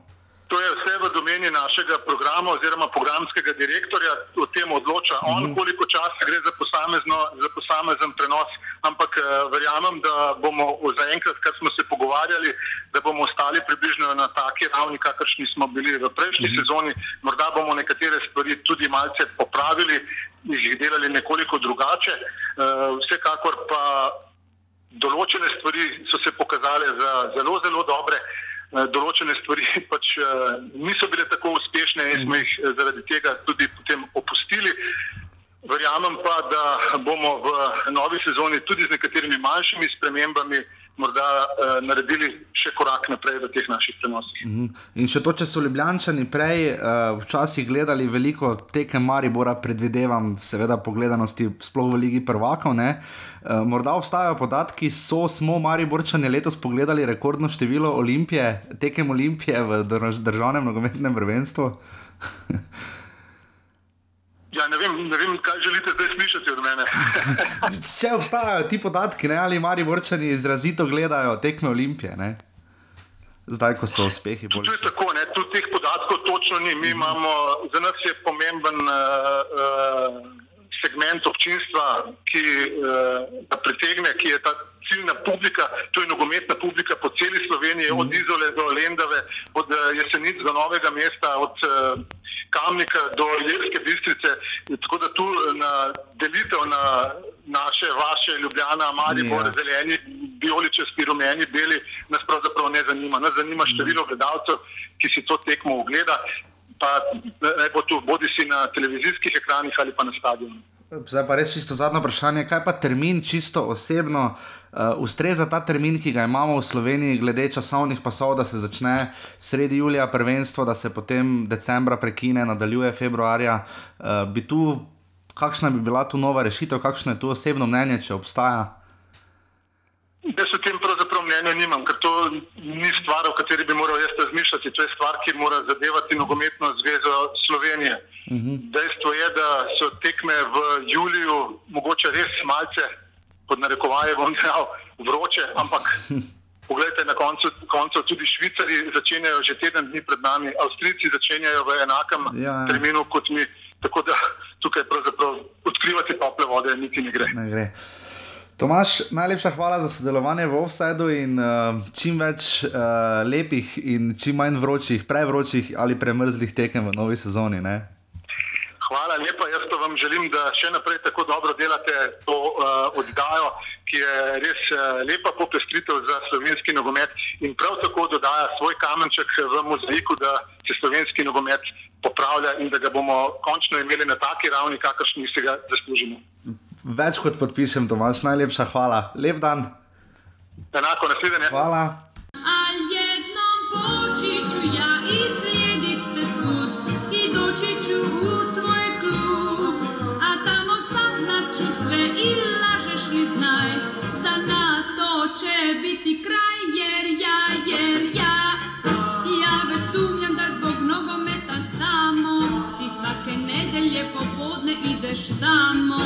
kad je zima ili maj. Torej, tako upam, da ste zdaj izvedeli čim več, kar se tiče uh, slovenskega nogometa na kanalu A, ki bo prenašal še letos in mislim, da so pravice še za naslednjo sezono kupljene, tako da uh, bo kanala zgodbo širil naprej še uh, prihodnjo sezono, kolikor, mislim, kolikor mi je znano, no, oziroma kolikor sem zadnjič uspel izvedeti. Um, Ja, prej smo omenili uh, mail ene od poslušalk, ki je uh, zelo namignila, da bi v letošnji sezoni, pa v prihodnjih oddajah, uh, gostili več gostov, oziroma gostov, predstavnikov kluba, trenerjev, predsednikov, športnih direktorjev, in da bi jih vprašali, uh, kakšne ukrepitve na kat klub išče, na katerih mestih. Kateri igralci spremljajo, če je kadrovanje zaključeno, kakšno je finančno stanje, so, kakšno je recimo, kakšni so razgovori z generalnimi sponzorji. Zdaj to je tako, tu bom pač na tem mestu, naj to služi kot uvod. Kaj ti misliš, Klemen, o tem? Pač določene informacije klubi pač ne morejo izdati, eh, ne nama, ne dobenemu drugemu, tako da je to pač neke stvari ne pri, brez veze pričakovati. No. Se strinjam. Bom tako rekel, nič ni narobe, zelo hvale vredno je, če poskusiva in bova poskusila tudi v tej sezoni. Poskusili smo vnovič dobiti koga od Nogometne zveze Slovenije, pisali smo prejšnji teden, eh, v začetku tedna, za zdaj potem odgovora nismo prejeli, zaželeli smo si Aleša Zavrla, generalnega sekretarja zveze Slovenije, ki tudi zelo podrobno pozna in spremlja prvo ligo, da bi mu lahko zastavili cel kup vprašanj, ne mislim, tako čist tehničnih, ki jih. Ki nas pač zanimajo, ne, od terminov do uh, koledarja lige, kdaj bo super pokal, če sploh bo, s super pokalom je zdaj kar nekaj uzela ga magla. Uh, pa znova nismo dobili, upam, da bo NZS naslednjič nam koga lahko posredoval, zdaj nekatere stvari z NZS, zdaj že pa res kar nekaj časa čakamo. Tako da upam, da bo to v kratkem. Seveda, druga zgodba pa so klubi, ne? ki so društva, ki jim ni potrebno neke stvari objasnjevati. In, uh, je to pač drugo, drugačna stvar, je kot pri nekih evropskih klubih, ko so neke stvari javno dostopne. Ne? Ja, pač cilj za letošnjo sezono uh, je seveda obiskati vseh deset prizorišč in narediti zgodbo. Uh, dobro, Maribor, ma, Ljudski vrt, Stožice, Arena Petrol, Kidričevo, uh, tudi Domžale uh, in dvakrat Domžale. No, uh, smo tako ali tako vajeni, ne? uh, tu nekih težav ni, ampak uh, uh, upam, da bomo uspeli res dobiti čim več sogovornikov še enkrat. Uh, hvale vreden mail, uh, z, z, zelo veseli, da smo ga dobili. Upamo, če bi offsajdu uspelo prebiti to zadržanost, smo mi dva prva za, ampak še vedno. Uh, Težko je včasih koga dobiti, uh, čas pač vse, razumem, da baš včasih do tudi kaj, kot je Klemen noče povedati. Uh, včasih koga zelo čakamo, uh, zdaj nam trenutno še čakamo, mogoče če nam bi koga spet z Olimpijo uspelo dobiti, ampak zaenkrat nič tako ne kaže. Ampak ne bova jamrala, bova pač probala čim več sogovornikov dobiti, ampak primarno, kot rečeno, je bil offset narejen, da bi o njem govorili. Ne tisti, ki smo jih sicer vajeni, ampak morda še kdo drug bi pa bilo seveda najbolj dobrodošlo, če bi dobili iz vsakega mesta gostitelja prve lige Telekom Slovenije, kakšnega sogovornika, ki bi nam vsakeč znova lahko kaj povedal. Tako da, če ima kdorkoli kakšen predlog, če bi koga posebej radi slišali, če veste, da je kdo zelo zagrizen, pa je lahko to v Mariboru, Ljubljani ali kjerkoli drugje, uh, Krškem, Kopru in tako naprej, kar pišite, javljajte, bom, bova za klemom res zelo vesela. Uh, letošnji cilj offsajda pač je, da res obiščemo čim več, da bi imeli iz prve roke, da lahko pač slišite, kako je na stadionu, kako je, kakšno je dogajanje in da boste dobili čim več povzetkov, ampak ne to špelce, ne um, uh, kaj je kontraglavolo, ohrabri. Uh, zbega ali napodi ali kakorkoli, seveda še z veseljem bomo novih predlogov veseli, da je to tudi nama malo brcnilo, vri, da bomo v letošnji sezoni res čim več čim več pač prispevali k eh, razvoju slovenskega nogometa, kot je prej eh, ob, ob slovesu rekel tudi Tomaš Klemenčič. Jaz upam, da bo letošnja sezona pestra, zelo, zelo, zelo dolga bo. Ne. Če zdaj pogledaš, glede na to, da ventilator tam piha, vmes bo zima, konec maja je res, res, res še daleč. ne. Um, kaj so tvoje glavne želje za sezono, mogoče? Kaj bi si najbolj želel? Je, da um, se ne razdeli lestvica na dva dela, da uh -huh. ni tiste boljše, slabše, da so vsi nekako enakovredni, um, da ti po, na- po narekovaji ti slabši rangirani klubi, Alumini, Krško in Radomlje, da ne popolnoma odstopijo in uh, da bi bili koliko, koliko se da konkurenčna liga, da bi bilo enako točkovno zanimivo kot lani. Se absolutno strinjam. Uh, jaz, moja glavna želja bo, da bo stadioni čim bolj polni, da zgodba lige ne bo padla v primeru, če se kateri klub odlepi. Recimo še slabše bi bilo, da bi se na vrhu kdorkoli odlepil. Uh, da bo liga ohranila to svojo zgodbeno zanimivost. Jaz iskreno pač povedati moram, jaz sem blazno pogrešal Zavrič, Eh, izjemno. Uh, Ekipa Miran Vuk. Uh, Miran Vuk, upamo, držimo pesti. Dve relativno žalostni novici sta bili ta teden v slovenskem nogometu. Uh, Miran Vuk, upam, da bo kmalo okreval uh, po petkovem, uh, petkovih zdravstvenih težavah. Uh, vsi držimo pesti, ne glede na vse. Gospod Vuk je bil uh, eden izmed najbolj intrigantnih in zanimivih in prvih gostov v bistvu v. Iz strokovnega dela v offsajdu, tako da se mu za to še enkrat zahvaljujemo in držimo pesti, da bo uh, njegovo zdravstveno stanje se čim prej izboljšalo in uh, da ga ne na zadnje še kdaj uspemo gostiti v offsajdu, ker je bil res zanimiv sogovornik in ne glede na vse, zgodba Zavrča vseeno bila ena izmed bolj pestrih v tej sezoni, njihovi rezultati proti Mariboru in Olimpiji so, bil, Olimpiji so bile. So bili res istopajoči, in pa uh, Green Dragons so zelo lepo poklonili in izrazili podporo Sebastianu Cimerotiču, uh, ki je tudi bil naš gost, in upamo, da bo uh, tudi Cimerotič um, čim lažje prebrodil te dneve in da ne na zadnje, da bo morda ena izmed lepših uteh in daril, in oziroma misli, da bodo tavle drugam, tudi ne na zadnje v sredo, držimo vsi pesti za Olimpijo. Ne, ne Klemen? seveda. No, eh, držimo pesti obe tekmi, sta kot smo rekli eh, v sredo ob 20.30 in v četrtek ob 20. iz Stožice in Ljudskega vrta. Imate prenos, prenosi vseh tekem prve lige so na kanalu A ali na Siolu ali na prvi ligi Telekom Slovenije. Uh, to je še iz lanske sezone. Uh, jaz res upam, da bo top sezona, da bo druga sezona, mogoče bomo uh, ta teden bomo s Kremlom kaj malo predebatirali, kaj bi lahko v vsedu še naredili, izboljšali.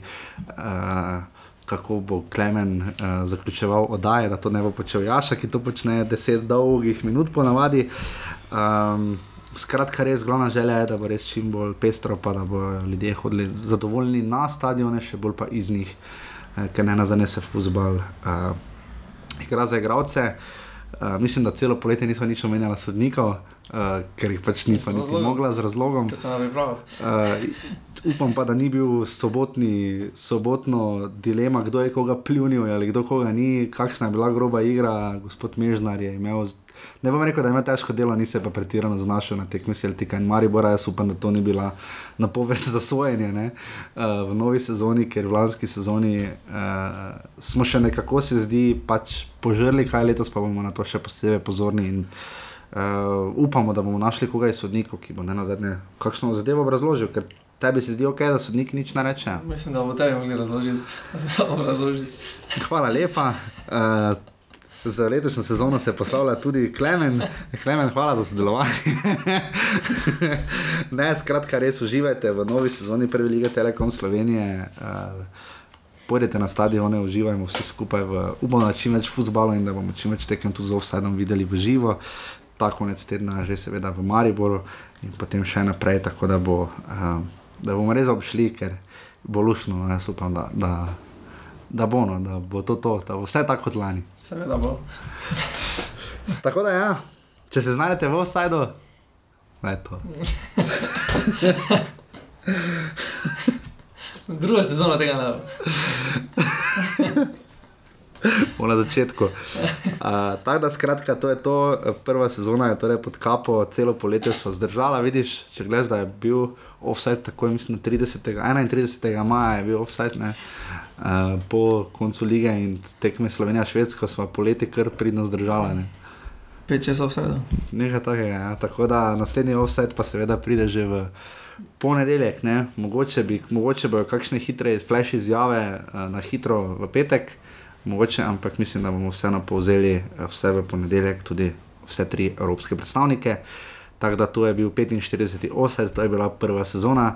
Če se znajdete v offsajdu, nas eh, prosim, poslušajte naprej še. Uh, Um, pa, pre, pa vsi skupaj si preberemo, kakšno pravilo. A ja, ta pravila, by the way, eh, ta pravila iz Evropskega prvenstva bojo veljala tudi Seveda. pri nas. Ne? Seveda. Je imela nogometna zveza pred, med vsemi predstavniki kluba, je imela PowerPoint predavanje in so predstavili. Vlada. Šajn je predstavil vsem predstavnikom kluba. Ker mislim, da med drugim, med drugim je novost, da če ne stojiš dva metra od avt črte, ne? da če ne stojiš dva metra od avt črte, ko nekdo izvaja avt, je žuti karton s prve. Ne vem, 90 novih pravil je prišlo. Ja, videl sem, bral sem PDF file, NZS, te stvari delajo pa dobro in je tistega res za prebrati ogromno. Ogromno, ja. Novih pravil, sicer je, je zelo lepo označeno, kaj je spremenjeno v pravilih, uh, pol jih itak noben ne pozna, ampak uh, bo, bo res zanimivo videti. Uh, meni je pač najbolj všeč tista na začetku tekme, da lahko žogo nazaj brcneš. ne. Kar so razumeli vsi, razen Olivera Žiruja. Ampak uh, to, je, to, je, bil- torej to, to je bilo to. Če se znajdete v offsajdu, pokličite Klemna, jaz vam zdaj dam njegovo številko. To je bilo to in uh, se slišimo v ponedeljek, ko bomo že z obema nogama v 26. sezoni slovenskega državnega nogometnega prvenstva. To je pa za teden to, preživite vročino, točo, upam, da ne, uh, strelo in vse ostalo in da bo čim lepše vreme za futbal. To je to, Klemen, hvala. Hvala. Tako da, adijo, se čujemo v ponedeljek, čau. Čau.